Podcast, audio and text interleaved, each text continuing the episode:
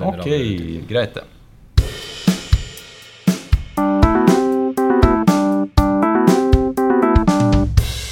Den gang da. Hei, hei, hei, og velkommen til denne fantastiske historiske podkasten Den gang da. Eh, mitt navn er Henning Mortensen. Jeg skal lede dere gjennom denne ca. halvtimen, eh, 40 minutters tid. Dagens tema, det er Midtøsten. Men eh, vi skal ikke løse Israel-Palestina-konflikten. Vi skal gå litt lengre tilbake og se på arabisk historie og ja, generell historie fra området. Eh, Med meg for å se litt på dette temaet har jeg som vanlig Hans Rosvold Hontvedt. Velkommen. Takk for det, Henning. Alt vel? Alt vel? Jørgen Lie sitter jo også ved siden av deg. Ja. Går det bra? Ja da, jeg, jeg har en propp i øret, så jeg hører ikke dere. Men jeg regner med at jeg bare svarer på gammel rutine. Så det Hva sa du? Sa du nå? Nei, Gammel rutine er det beste jeg vet. det er det beste jeg vet. òg. Ja. Kan jeg bare si at Er det litt uambisiøst å ikke skal løse Israel-Palestina-konflikten i en podkast? Jeg foreslår at vi løser den i en senere podkast. Senere podkast, ja. Jeg har løsningen, så den kan vi komme med. ja. Vi har jo den, men vi, vi, vi kommer ikke med den helt med en gang. Nei, men vi skal jo snakke Dette er jo et litt uh, Uansett, området er jo litt betent. I hvert fall hvis det kommer til Israel og Palestina. Vi skal vel litt innom det i dag òg, men vi skal se litt lenger tilbake. Bare for å avklare med en gang før vi begynner, da. Ingen er slemme, alle er snille, alle har rett, alt er riktig. Så har vi liksom ikke fornærma noen. Noen er, noen er slemme også. Nå Er er ikke jeg, da. Noen er Men ikke si hvem Nei, jeg du syns er slem. Jeg vet ikke hvem. Det må være opp til lytterne å vurdere hvem som er slemme og snille. Ja. Men vi skal snakke om uh, Midtøsten. Og jeg sa vi skal gå litt lenger tilbake enn liksom, opprettelsen av Israel. Vi, uh, når syns dere det er naturlig at vi begynner? Jeg tenker at vi bør begynne på 600-tallet.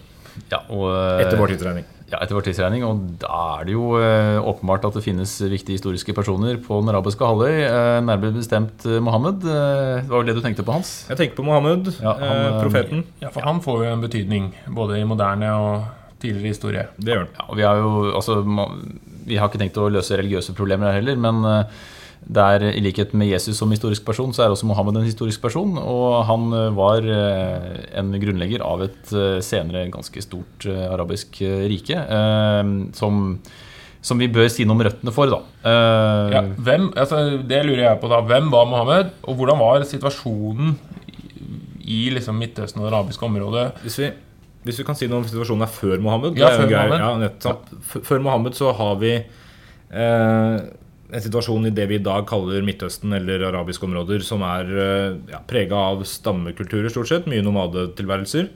Eh, og så har vi det man kanskje da vil si er det som defineres som arabisk område, altså de områdene der man snakker arabisk på det tidspunktet. Og det er mer eller mindre bare dagens Saudi-Arabia og dagens Jemen. Rundt det så har du, så du Perserriket, eh, eller det gamle Perserriket, da, eh, og, og Bysant, eller Øst-Romerike. ja, altså, ja. Og så i dette her blir Mohammed da født. Ja, Ifølge tradisjonen så får jo Mohammed eh, en åpenbaring og blir da grunnleggeren av den store verdensreligionen som senere skal bli islam. Eh, og Mohammed er kjent eh, både som grunnlegger og også som en imperiebygger. eh, eller ja, imperiebygger, kanskje ikke imperiebygger, men eh, hva skal vi kalle det? Jo, altså med opprettelsen av, eh, av islam, hvis, man på en måte etablerer den sånn cirka i, eh, i 622, når Mohammed drar fra, fra Mekka, så, så til Medina. til Medina, så, så, så, så ser vi på en måte mer eller mindre grunnleggelsen av islam og tidsregninga for eh, islamsk, ja, i islam. Så, så kan vi si at han der også begynner å legge under seg områder som etter hvert blir det som blir grunnlaget for det arabiske riket. Ja. Han er jo også imperiebyggere. Og så ser vi litt generelt forklart at eh, arabisk språk eh, og det som senere blir arabisk kultur gjennom islam, blir, en, blir et slags eh, lim for eh, mange ting egentlig i området. Det blir eh, Arabisk blir senere administrasjonsspråk. eh, mye av det som foregår av eh, tidlig forskning, foregår på arabisk. Vi har handelsruter som etableres og holde sammen av arabisk kultur og språkforståelse. Så her er det mange ting som Det det. henger sammen med arabisk, enkelt og greit. Og religionen, fordi arabisk jo også blir religionsspråket. Det er det hellige språket, det språket som Gud eh, sender budskapet til Mohammed på. Så Koranen er på en måte mye av bindeleddet her, da, Ja. fordi Koranen blir anerkjent innenfor store områder i Midtøsten. Mm. Og når arabisk blir det viktigste språket for den eneste religionen etter hvert, i mange måneder, så er arabisk eh, en del av grunnlaget kan man si, da, for dette arabiske riket. Ja, Hvor strekker dette arabiske riket seg? Hvor stort blir det? Nei, altså Den største utstrekninga eh, får det etter hvert i det vi kaller formingstida, altså tida etter Mohammed. Eh, og når du ser at de først åpner for felttog, erobringer, både religiøse erobringer og militære erobringer osv., så, videre, så så sprer det seg etter hvert ganske langt. Eh, jeg skal ikke trenger ikke å si så altfor mye om detaljene her, men, men eh, det er greit å vite at man da etablerer en kalif i sentrum som, som er eh, ja, Det diskuteres litt i utgangspunktet om han er stedfortrederen til Mohammed eller stedfortrederen til Gud sjøl, men han er i hvert fall en av stedfortreder som har, som har det administrative ansvaret, for å si det sånn, da, regentansvaret i det som blir arabiske riket. Eh, og det blir til et imperium etter hvert, som på 700-tallet, som strekker seg fra Marokko og helt opp til Spania i, i vest, og fram til ja, grensene mot Kina og India i øst, mer eller mindre. Eh, Så det er, det er ganske svært. Ja, og dette er jo, jeg tenker det er kanskje viktig å tenke litt over. Dette er jo samtidig som det er det, altså middelalder da, i Europa, Ja. om vi skal kalle det det. Hvor du har fra Vestromerrikets fall eh, over til mer sånn føydale strukturer og kanskje lite sentraladministrasjon. Ja, og- og her, her eh, Dette fungerer som god kontrast egentlig til det arabiske riket, som etter hvert under noen av kalifene og noen av kalifatene det, Dette går på slektskalifat osv. Eh, får en ganske tydelig sentralmakt. Eh, veldig ryddig administrasjon. Eh, eh, rollefordeling, kulturoppbygging, sånne ting. Bl.a. blant annet under Umayyade-kalifatet og senere Abbaside-kalifatet. Som det gjerne blir kalt islams gullalder, for så vidt. Eh, der har du eh, altså Jørgen nevnte i stad dette med hvordan arabisk som språk blir et bindeledd. eh, Og også religionen blir et bindeledd. Og der har du den femte Umayyade-kalifen, eh, som het Abdal Abd al-Malik. Han, eh, han innfører arabisk som administrasjonsspråk. Det her fortrenger gresk som administrasjonsspråk, som har vært administrasjonsspråk tidligere. Og vi ser at det, det tar ikke mer enn ja, noen, Jeg vet ikke hvor lang tid det tar, men jeg mistenker at det var noen få tiår før gresk på en måte hadde forsvunnet omtrent helt fra folks bruk, fordi arabisk overtar som det språket som da sprer seg og brukes til å administrere og til å drive kulturuttrykk osv. I, i hele det arabiske området, da, som da på det tidspunktet er ganske svært. Ja, for middelalderen kaller vi jo sant, middelalder fordi det er mellom antikken og eller mer sånn moderne. Mens det er veldig eurosentrisk uttrykk, for i den arabiske verden så blomstrer jo kultur på denne tiden. Blant annet matematikken blir jo Ja, helt klart. Du har jo flere kjente eksempler på matematikksymboler. Det var jo en, en velkjent myte er jo at araberne fant opp eh, tegnet null. Det gjorde de jo ikke. De stjal det fra hinduene, men, eh, men de videreførte det og Ja. konsoliderte det. Og europeisk kultur skal være veldig takknemlig for det arabisk kultur gjorde nettopp i middelalderen, da kanskje den europeiske kulturen ikke var på sitt kulturelt mest Nettopp. høytstående. Så hadde araberne virkelig klart å ta vare på og bevart denne kulturen i form av sine biblioteker, og ikke minst mange universiteter som var verdensledende i denne perioden. Dette, dette her ser vi stort sett eh, på det toppunktet er vel på 800-tallet, da med hovedsete under Abbaside-kalifatet, med hovedsete i Bagdad, hvor du virkelig har en kulturell og vitenskapelig blomstring i de områdene her. Eh, som seinere kommer europeerne til gode, som du sier, når europeerne begynner å handle med, eh, med disse områdene. Men da det er først ut på 15, ja, 1400-1500-tallet. Og, øh, er litt fascinerende også. Dette er jo samtidig som det er vikingtid i Norge. Ja, ja, ja. Og det er jo noen eksempler på jeg, Nå husker jeg ikke akkurat, men f.eks. en gravferd som blir beskrevet av en eh, Jeg mener det er en arabisk handelsmann som beskriver da vikingene som så møkkete villmenn som ikke vasker seg og er fæle og brutale. og Ja, Vikingene kom jo langt sør også. Vi har jo flere eksempler på det. Også ikke minst i eh, Ja, hvem var det nå? Kong Sverre var jo langt sørpå, men eh, det var jo en annen sammenheng. Men, Sigurd Oslofar. Orsalfar. Sigurd men det, det finnes flere kilder som beskriver vikingene. Det syns jeg er veldig spennende. Altså, ikke, var jo ja, ikke fra på en måte, eh, europeisk Nei. perspektiv, men fra arabisk. Ja, ja, ja. Og, eh, Jeg tenker Det sier jo litt om som du sier Henning da, hvis det er, eh, hvis det er måte, den vanlige beskrivelsen av viking. Det vet vi jo ikke, men det er ikke totalt usannsynlig heller at de Nei. ble sett på som litt sånne laverestående bøll, buldrete bøller som eh, kom trekkende med sverda sine. Mens her er vi og har høykultur.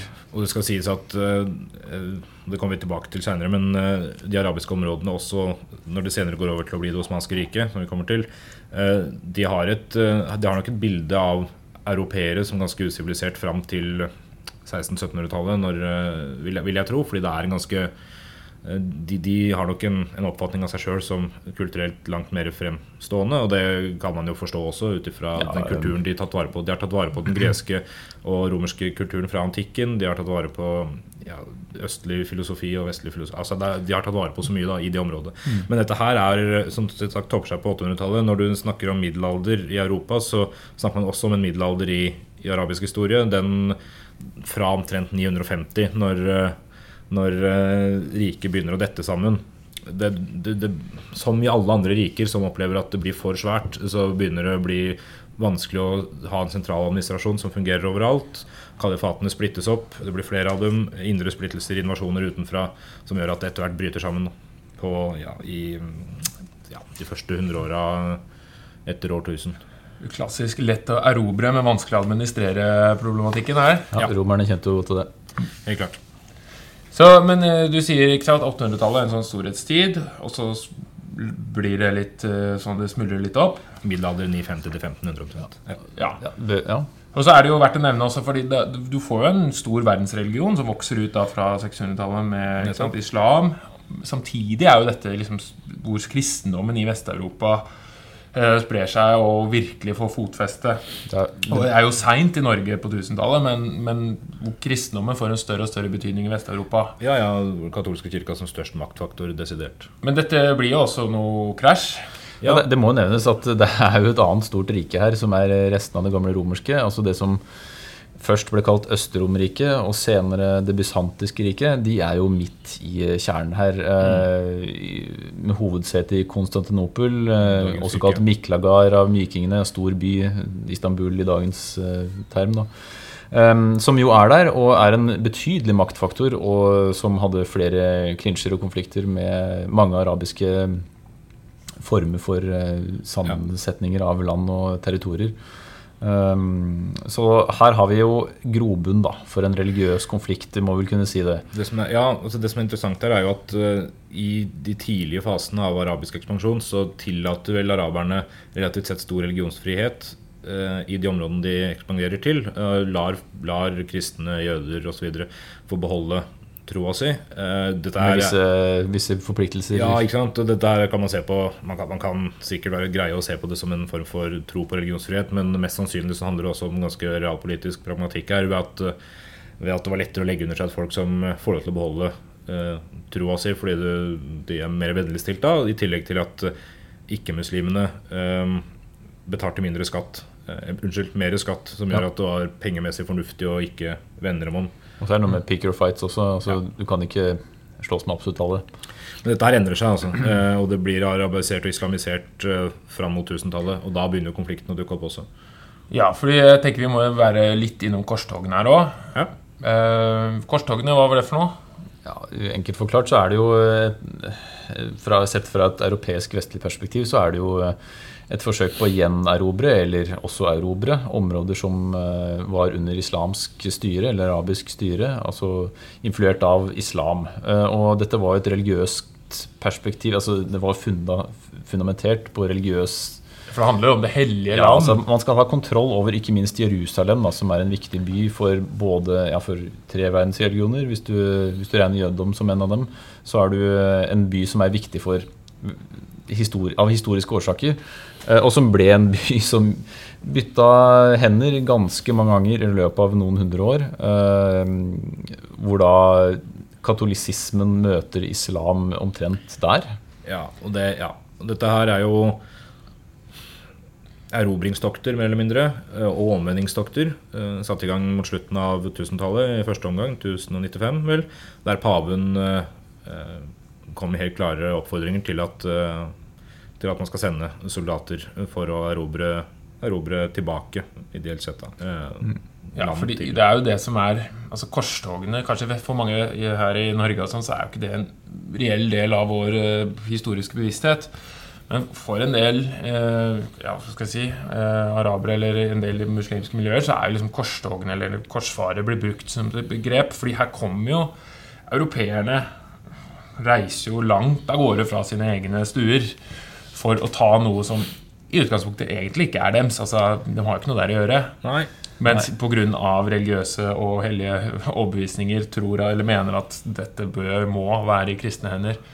Så, så det er jo egentlig en fæl affære hvor man Ja. Ja, Det finnes jo mange eksempler på hvor mange korstog var det vi telte oss fram til. Var det 11 eller 9? Ni, det, varierer, litt, eh, men, eh, men ja. men, men i hvert fall fellestrekket er jo at det er sammenstøt av forskjellige blodige karakter. Eh, Du nevnte jo et i stad før vi gikk på lufta her, Henning, med barnekorstog og eh, hva, hva var det for noe? Ja, eller det er, på, det er en slags myte, eller hva det er for å Ja, det- ja, det er myte. At, at, Litt usikkerhet i hvert fall rundt om det er sant. at det var noen barn som fikk en sånn stor giver over seg for å dra ned på korsveier. Sikkert ikke inspirert av noen voksne Nei, men det gikk ikke så bra. Altså. Det var ikke noe gjenerobring av, eh, Men, men Jerusalem der. skal vi komme inn på noen av de Det er jo noen sentrale skikkelser her. Eh, Ja, for du kjenner litt du eh, har Ikke litt- personlig, men Nei, eh, har litt kunnskap om kunnskap. Saladin? Saladin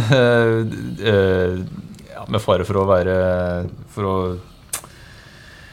Jeg skal ikke reklamere for dårlige filmer her, men de, det er mange som sikkert kjenner denne karakteren gjennom for det første Kingdom of Heaven med den særdeles middels uh, middelmådige skuespilleren Orlando Bloom i. Oi, er dårlig gjort, dårlig du- Hvis da, nå tråkka jeg på noe jeg. han er jeg ikke imot er Han har jo ikke så mange ansiktsuttrykk. At det er bare det ene der Nei, indignert. Er det ikke det han har? jo, det er mulig, det. Ja, det, det, ja, du har interesse, uansett, også På samtidig så spilte man jo inn denne Ja. Arnt, var det? Arn, ja. Ja. Det er jo samme skuespiller. Samme skuespiller. spiller Så jeg har jo Når jeg tenker på han, så tenker jeg jo på en Jeg vet husker jeg ikke hva han skuespilleren Det må jo være en samproduksjon for øvrig. Altså, de var Ja, Det var det. var det samme Borg og eh, Ja. Ja, Uansett, ja, uansett, da. Saladin er jo eh, en, for det første en kurdisk eh, og og kurdisk opprinnelse for, for de som er interessert i fun facts, og det er jo vi. Han er da fra Tikrit. Eh, Dere kjenner kanskje en annen fyr som var fra Tikrit? Dagens quiz. Kjent diktator på 1900-tallet. Eh, nå setter du meg på eh, Ja. Saddam Hussein. Ah, ja. Født i Tikrit, eh, som Saladin. Eh, de har jo et litt forskjellig renommé, da, kan man si, mens eh, Saddam Hussein møtte sitt endelikt i en ganske Ja, vi trenger ikke å rippe opp i det, men For det eh, var vel også noen vestlige som kom det var det også noen vestlige, men- men Saladin sånn sett er det jo noen likhetstrekk. ja, men Saladin er kjent da for, som en ganske sammensatt type. Både som en sånn helt hensynsløs eh, krigerfyr, som eh, var det jeg leste, at han eh, slaktet rundt sine medislamske venner eh, før han bestemte seg for å eh, gå løs på jihad, altså den lille krig, er det ikke det? Den, nei, ja, altså den, den hellige krig da mot, eh, mot korstogene. Så han ble på en måte i utgangspunktet fienden, altså den hovedfienden til korstogene. Men han Både i Arn og Kingdom of Heaven så er han jo fremstilt som ganske Hva skal jeg si Ikke jovial, Ja, men, men, eh, eh, sympatisk. og vennlig sist, sist jovial, vil jeg påstå. Han er først og fremst veldig respektert i Ja. mange kilder, og ikke minst av sine fiender. Uh, han var jo en av de som klarte å gjenerobre Jerusalem. Det var i 1187, tror jeg. Vi, altså, vi snakker nesten 1200 her. Uh, og på det tidspunktet så hadde Jerusalem vært i kristne hender i 88 år. Og da var han en av dem Eller han var det som ledet angrepet på Jerusalem og gjenerobret da Jerusalem etter at lenge at denne The Leper King, eh, Baldwin den fjerde, hadde vært eh, vært eh, de kristnes sentrale skikkelse der nede. Så erobret Saladin Jerusalem og har blitt kjent i ettertid som en som respekterte sine fiender, og som, som også har blitt omtalt i positive ordelag fra de han møtte. Ikke minst, kanskje mest kjent, er jo Richard Løvhjerte, som møtte Saladin eh, ved flere anledninger og fikk voldsom respekt, sier kilden i hvert fall. da. Eh, Så Saladin, eh, kjent som en som både kunne behandle sine fiender med respekt Han lot bl.a. pilegrimer besøke Jerusalem selv om islam Altså selv om han erobret byen. Mm. Men samtidig så gjorde han ifølge andre kilder ikke så mye ut av å bare slakte fangene hvis det, hvis, hva hva det det står? Hvis det kunne gagne hans posisjon. Altså det er, det er en sammensatt personlighet her, da. realpolitikk. Men det er viktig Ja. å huske at dette med å erobre det hellige land jo er noe som forsøkes å gjøre både fra eh, kristent hold og fra eh, muslimsk hold. Fordi Mm. også Mohammed har eh, altså også eh, ja, Mohammed hadde sin himmelsreise fra eh, Jerusalem. Eh, Sånn at der, eh, der man, har, man har tydelige koblinger i begge religioner her som underbygger det å beholde kontrollen over området. Jeg skal ikke si så mye nå om hvordan det påvirker dagens situasjon, men det er helt klart en faktor. i hvert fall. Vi kan i hvert fall si at det er flere interesser blant flere religioner Ja. eh, i samme by, og det er jo grobunn til konflikt. Ja. Og nå har du nevnt uh, den arabiske ekspansjonen og storriket der, men vi må jo komme innom det osmanske riket. Ja, fordi når, så når vi snakker om middelalderen i arabisk, det arabiske riket, arabisk historie, så snakker vi da som sagt om perioden fra ca. slutten av 900-tallet og fram til 1500. Eh, og det er en periode av eh, basert, eller, er stort sterkt prega av, eh, av at det faller fra hverandre. Um, og det vi, det vi ser, eh, er jo at det osmanske riket er det som etter hvert overtar for eh, det arabiske kalifatet. Fra 1324 og frem, helt fram til 1924 så er det i de 600 åra et relativt stabilt rike. Ja, og Det osmanske riket er, det er vel ikke feil å si at det er et slags stortyrkisk rike? Nei, Eller er det det, er vel, det er jo mer eller mindre Sånn, riktig. Navnmessig er det jo en anakronisme, altså, for eh, Tyrkia kommer fra Atatürk, eh, mannen fra etter. ja. Men, eh, men områdemessig er det jo helt riktig, Henning. At du, det er jo dagens Tyrkia, i hvert fall. Nå har vi ikke vært så veldig flinke kanskje til å påpasse om vi er eh, riktige historiske navn, men eh, Altså, stamme, det, er, det er i utgangspunktet en stamme her. Uh, I uh, uh, ja, En stamme leda av Altså da en, en stamme med mennesker og ikke en trestamme. Nei, nettopp. Godt Flott. godt vi, kan, vi, snakker, vi kaller dem eh, en del tyrkiske stammer. Eh, leda av Osman Ghazi, som var eh, i Osman-stammen. Eh, han døde i ca. 1324. Han, eh, eh, han sønn Oran krysser Bosporos, sprer seg innover på europeisk side. Omringer Konstantinopel, og så blir Konstantinopel etter hvert tatt. da Ja, Eh, 1453, husker jeg riktig da? 1453. det er, um, da er liksom det slutt på Romerriket. Ja, for da er Mehmed tar Konstantinopel. Ja. Hvor, Keiseren ryker der. stort blir det osmanske riket, da? Altså, de tar jo nordvestlig Balkan, da. Eh, Bosnia, Kroatia. Ja, så går, det er liksom helt opp mot De prøver jo å ta Østerrike et par ja. ganger utover 1600-tallet. Ja, Nord- Nord-Afrika Ja. Og, og inn i dagens Midtøsten eh, i vestlig retning. Um, så det er, det, er, det er svært, ja. Det er det. Det kommer nesten like langt som uh, Djengis Khan til Wien. Ja, ja, og, det, det, ja, og de, de over, altså, mongolene forsvinner jo. Det mongolske riket går i oppløsning, og osmanene overtar deler av deres områder. Eh, så så de, er, de er svære, ja. Dette er ikke et, dette er ikke et arabisk rike, sånn sett. Nei, ikke på den måten. I og med at det er eh, leda i større grad av, eh, av stammer fra eh, dagens Tyrkia. Men, eh, men islam blir jo, blir jo den gjengse religionen der også. De, de videreutvikler dette eh, Gjenopptar en ganske tydelig kontroll, struktur og administrasjon osv. Som, som man ser i, i gullalderen til det arabiske imperiet. Eh, De bryter bl.a. med familiestyret for å etablere en mer sånn statlig organisasjon. Og setter inn en sultan da, fra midten av 1400-tallet, og det er sultanen som leder. eh, Og dreper eh, rivaler og virkelig etablerer seg eh, i de, de, de områdene de tar. Eh, Kan du kanskje bare nevne som en eh, annen fun fact altså En av de eh, mest kjente bygningene fra eh, Istanbul er jo det som heter Hagia Sofia, som Ja. opprinnelig var en kirke, Mm. men som ble bygd om til en moské Ja. i forbindelse med Konstantinopels fall da, i 1453. Så det man ser i dag, er jo disse minareene på sidene, Ja. eh, altså bønnetårnene. Mm, mm. Eh, og så sies også i historien at man dekket til eh, diverse mosaikk når man, som, eh, som ikke passet med det islamske synet da, på hva man kunne bilde av inni en kirke. Det er jo ikke det samme. Men mi- mitt bilde av det osmanske riket er jo at, at det er 600 år med sånn relativt stabilitet. Ja, det er jo det? Ja, mer eller mindre internt, i hvert fall. Fordi de har en ganske De bygger opp en ganske tydelig byråkrati, eh, maktbalanse internt. Hvor de har en, mer eller mindre tredeling med byråkrati, eh, her og lærde folk som kontrollerer sine ja, områder i administrasjonen. Eh, men viss grad av verdslighet også, eh, der, eh, som, som blir eh, ja, fylt av ikke-muslimer. ikke sant? I noe sekretærstyre og sånn. Hvor du har en wasir som leder siviladministrasjonen og en del sånne En del sånne Hva skal man kalle det? Eh, administrasjons... Eh, Administrasjonsgrupper.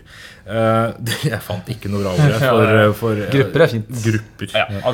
men det er ikke-muslimske Blant annet. De, de, Ja. de blander seg. Det er en pragmatisk måte å administrere på. De har dette systemet som kalles det skirmesystemet. Eller hvordan man skal uttale det. Um, hvor bl.a. Uh, kristne bondesønner som uh, blir tatt med. Opplært til å bli enten krigere, rangert etter evner og kunnskap, sånn at de, de blir eh, krigere gjort til muslimer. Og kristne bondesønner. Er det noe samme som tilslørte bondepiker? ja, Sier bondesønner. eh, Ja, nettopp. De flinkeste får videreutdanning, blir en del av Devshirme-klassen. eh, hoffet, blir lærere, kunstnere osv. i siviladministrasjonen. Og så har du, har du en del av disse rekruttene som blir soldater i spesialsoldatkorps, for å kalle det det. Var det det som var janitsjarene? Det er det som er Ja. janitsjar, som er utgangspunktet for dagens janitsjarkorps, som ikke driver med militarisering. Nei, det ikke det, men, men man kan jo likevel se spor i korpsmiljøet. Altså man marsjerer jo som Ja. soldater med uniform. Ja, ja. Bare så at man har bytta ut uh, geværene med klarinetter. Det Mm, kunne mm. kanskje latt være å gjøre akkurat det, og bare beholdt geværene, eller hva tenker dere? Eh, nei, jeg, vil- jeg vil heller se et korps med klarinett. Du vil det? Det blir mye hyggeligere på 17. mai. Det gjør det. Gjør det. Ja. På, altså, dette, man slutter å ta inn disse ungguttene på 1600-tallet og rekruttere på den måten. Etter hvert så blir hele altså, Devshirme-klassen og Neanachar her en selvrekrutterende, sånn at de, de, de klarer på en måte å, holde det gående uten at man driver og stjeler kristne gutter. Eh, de, de blir også lærde for en veldig tydelig klasse der. sånn at eh, det, det danner seg et system der du har veldig tydelig fokus på at de lærde har en viktig posisjon, og så har du de som driver med administrasjon. og sånn, så det er en veldig tydelig deling. da. Men da får du det osmanske riket. Fra 1324 eh, og utover, stemmer det? Jo, 1324, så er det en slags stabilitet da. Sunnimuslimsk for øvrig. Hvis det er Ja, ikke sant? I hva skal jeg si, den muslimske verden, da. Ja. Og det vi da kaller Midtøsten, og faktisk helt opp mot da, Europa. Ja. Men det er jo ikke noe osmansk krig nå lenger.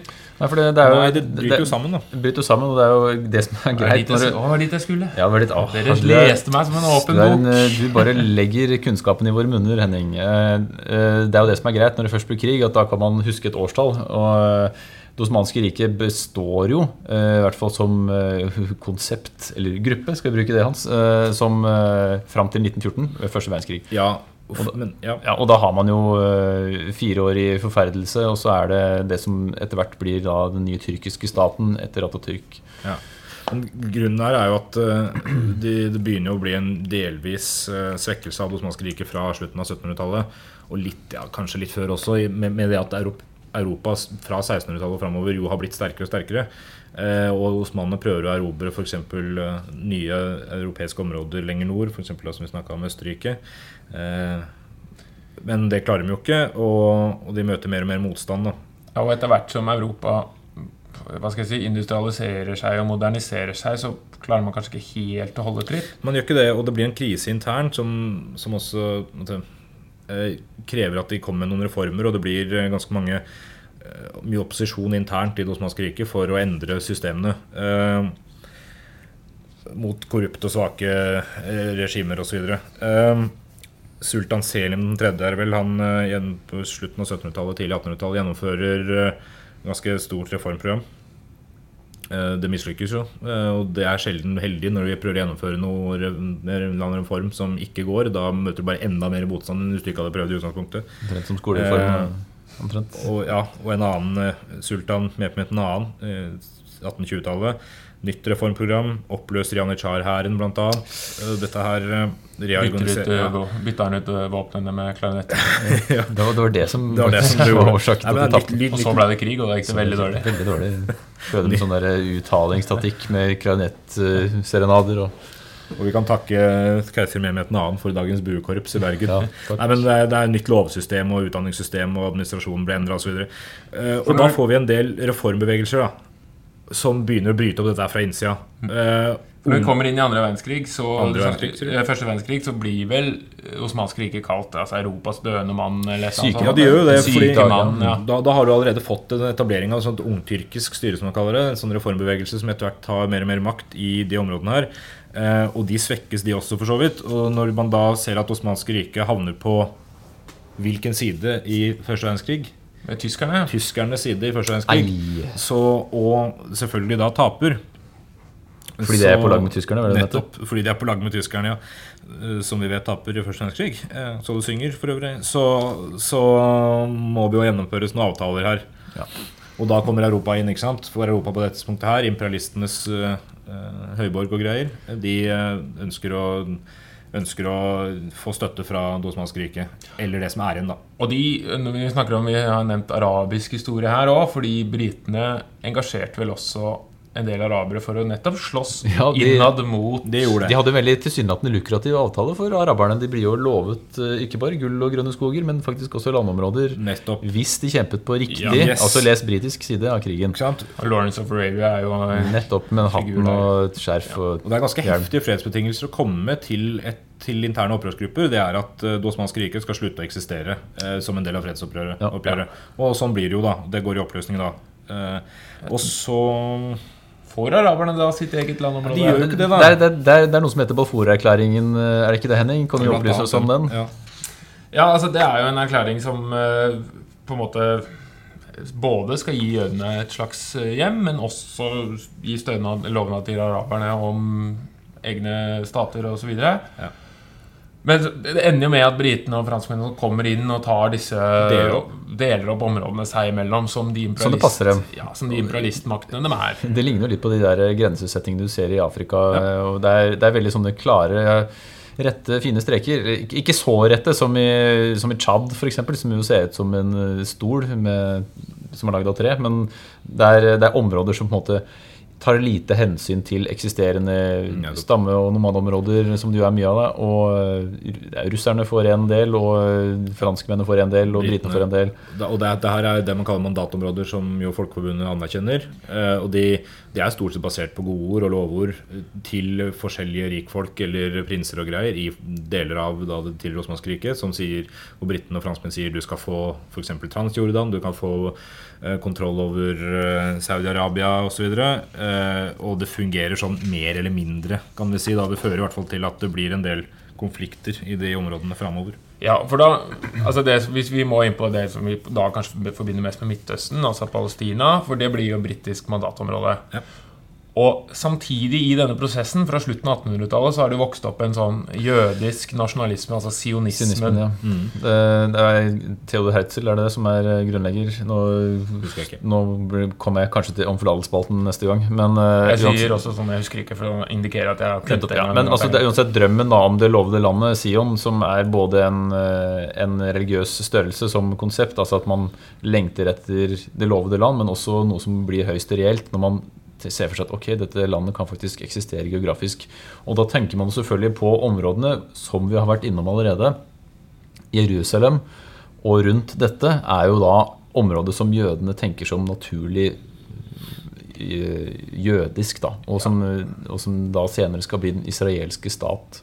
Og det går selvfølgelig på bekostning av eh, de som er der fra Ja. før. Og så kan man jo selvfølgelig drøfte, ikke her, men det går an å drøfte og se at dette her eh, tråkker på tær i alle retninger, og at eh, de forskjellige gruppene har sine religiøse røtter og geografiske anliggender som gjør at her er det veldig vanskelig å få alle til å bli fornøyd. Og det er jo nettopp det som blir realiteten nå. Ja, Men det er jo- Mellom de to verdenskrigene for å si det sånn, så er det jo en økende innvandring fra jødiske hva skal jeg si, Mm. eh, nybyggere eller jødiske folk som både rømmer jo selvfølgelig fra Europa. Eh, Vi ble bedt om å komme også, altså som en del av Balfour-erklæringen. Ikke sant? Og det her er jo greit å huske sånn, Vi kan sikkert snakke mer om det her i en annen episode, men uh, greit å huske Idet Israel blir oppretta, så har man allerede brukt en del år på å etablere et system som fungerer. sånn at når det blir vedtatt offisielt av FN, så, så har du allerede en ganske relativt sett høy befolkning eh, av jødiske eh, beboere. Du har allerede en etablert, et etablert forsvar og en etablert eh, administrasjon. Som gjør at de, de forutsetningene deres for å komme i gang ganske kjapt er der. Eh, Ja, kan, jeg, bare komme med en liten uh, betraktning her? Altså, Ja, vi, vi som sitter her, som verken er uh, jøder eller arabere, det er jo det er et historisk veldig spesielt tilfelle, kan vi ikke Ja. si det? Altså Det at uh, man skal utvandre til et land som har historiske røtter, uh, flytte fra de områdene man er vokst opp i, jo, men som man, altså man samles om konseptet jødisk stat. Altså Vi er jøder Ja. som nasjon, men uten nasjon. Vi må samles et sted. Så måtte man Det er jo få som Nå er det mulighet til å tråkker på noe her, men det, man kan gå ut ifra at det er veldig mange som endte opp i det området som senere ble Israel, som ikke hadde noen geografiske røtter der, annet enn at historien bandt dem til dette området. Så det er en religiøs, kulturell tilknytning. Ja. Jeg, jeg prøver liksom å komme på en er sammenligning. Visse, visse push- og pull-faktorer her. ikke sant? De, man kan jo si at de blir dytta ut av Europa. Eh, Det kan man si i En, en ting 30-tallet. er nazistenes eh, herjinger. En annen ting er selvfølgelig det at man i allerede i mange hundre år ikke nødvendigvis hadde følt at man var en del av storsamfunnet, men heller Alltid på siden, i- eh, alltid ja. Mm. minoritet. Men, men eh, altså, bare som et eh, filosofisk spørsmål, eller et eh, ganske konkret kanskje, altså, finnes det noen lignende eksempler på at folk har utvandra til et område fordi de på en måte bindes til det historisk? Altså, nå, altså masseutvandring til et område? Altså, det finnes sikkert, men jeg klarer ikke å komme på noe. Nei, eh, Nei, jeg er litt usikker. Altså, til masseinnvandring har man jo hatt uh, en masse, uh, men det er jo gjerne for nye andre- områder. kommer eh, andre grunner, Ikke ja. sant? mm. Det er bare, ja. Ja, USA er jo tufta på at folk dro. Ja, over- ikke fordi man ikke kobling der. Men man hadde jo ikke noe kobling der fra før. Det var bare fordi det var en land med muligheter. Men her har man på en måte et sted hvor man utvandrer helt Hit skal vi, for her har vi røtter. Ja. Og det er jo snakk om 1000 år. ikke sant? Det er vel år 70 etter, eh, etter vår tidsregning at liksom Judea ja. oppløses. Så det er jo Ja. lenge siden. Ja, ja, ja. Ja. Men eh, det blir jo ikke Israel helt ennå, fordi det er jo andre verdenskrig. Og da er det jo kanskje forståelig at uh, flere jøder ønsker å dra tilbake til Eller dra til til ja, det palestinske området, som Ja. fortsatt da er under britisk kontroll. Jo, jo. Uh, men hvor britene etter hvert gir opp eh, og Mm. har noen slags kontroll. For det begynner jo å bli en del konflikter, og det er terrorangrep fra ja, israelere også mot britisk kontroll og sånn. Og de kaster hele ballen over til FN, og FN godkjenner Israel. 1948. Ja. Uh, Eh, godkjenner i 2047, Ja, 47, men 47, men opprettet ja, opprettelsen i 48. Eh, og så er jo hele denne moderne konflikten som fortsatt er et, uh, et uh, veldig hett Ja. tema. Men vi kan jo gå mer inn på det senere, for der også er det jo masse kriger. Og tar- det er jo Vi husker ikke datoen, men dagen etter Israels opprettelse så er det jo første krigen.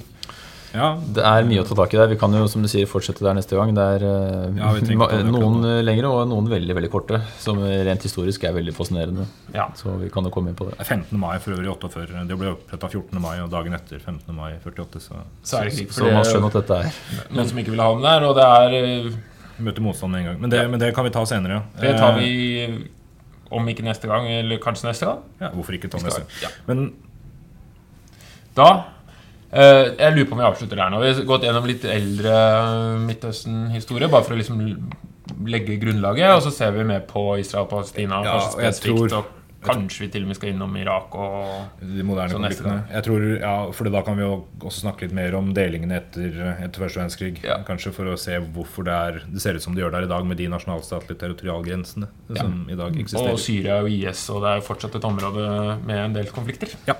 for å si det sånn. Så veldig lystig, men vi må avslutte med litt lystigere, da. Ja. Da er det jo dagens ord.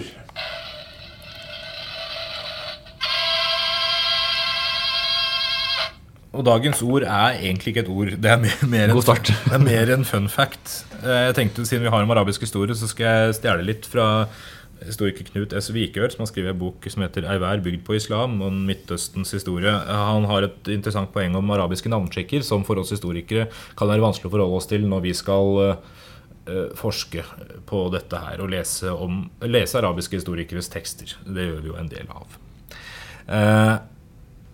Spesielt de gamle lærde araberne, eh, som, som i på en måte storhetstida og omtrent fram til i dag ah, har likt å, å dra slekta si tilbake til, til opphavet, helst tilbake til Mohammed, altså, eller tilbake til Adam, hvis det er mulig.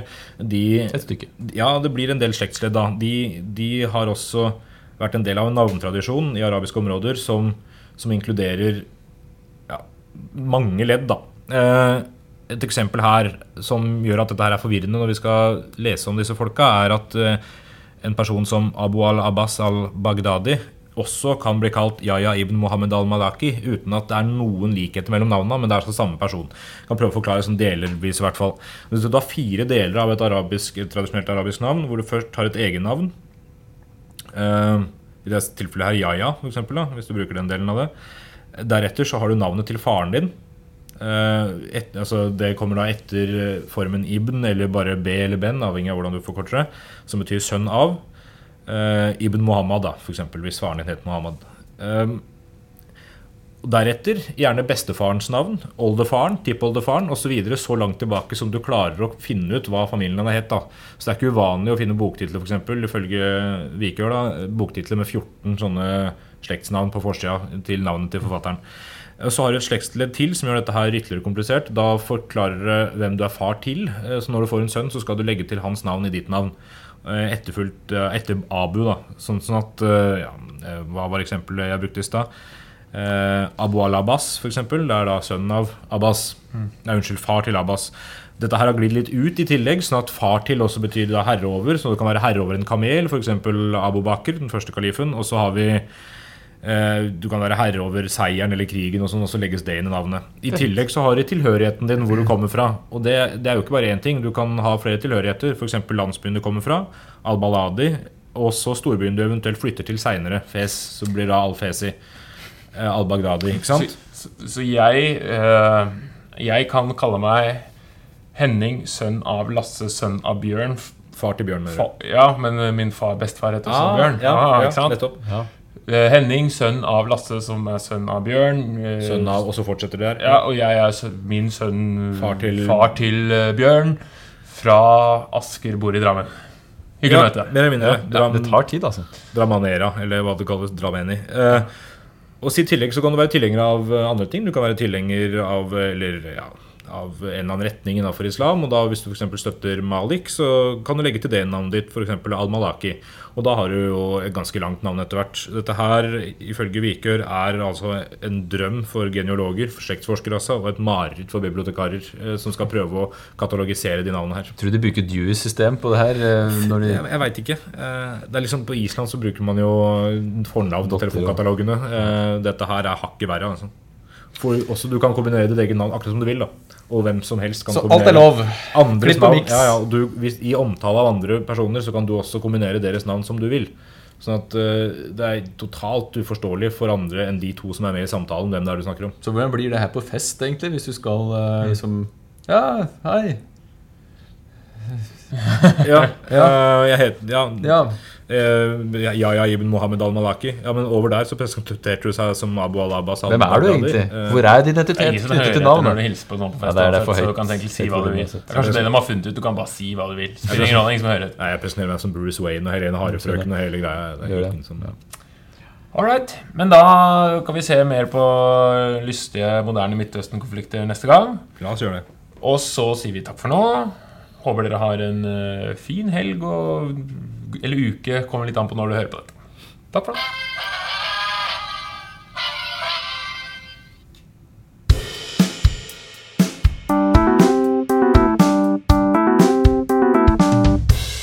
Den gang da.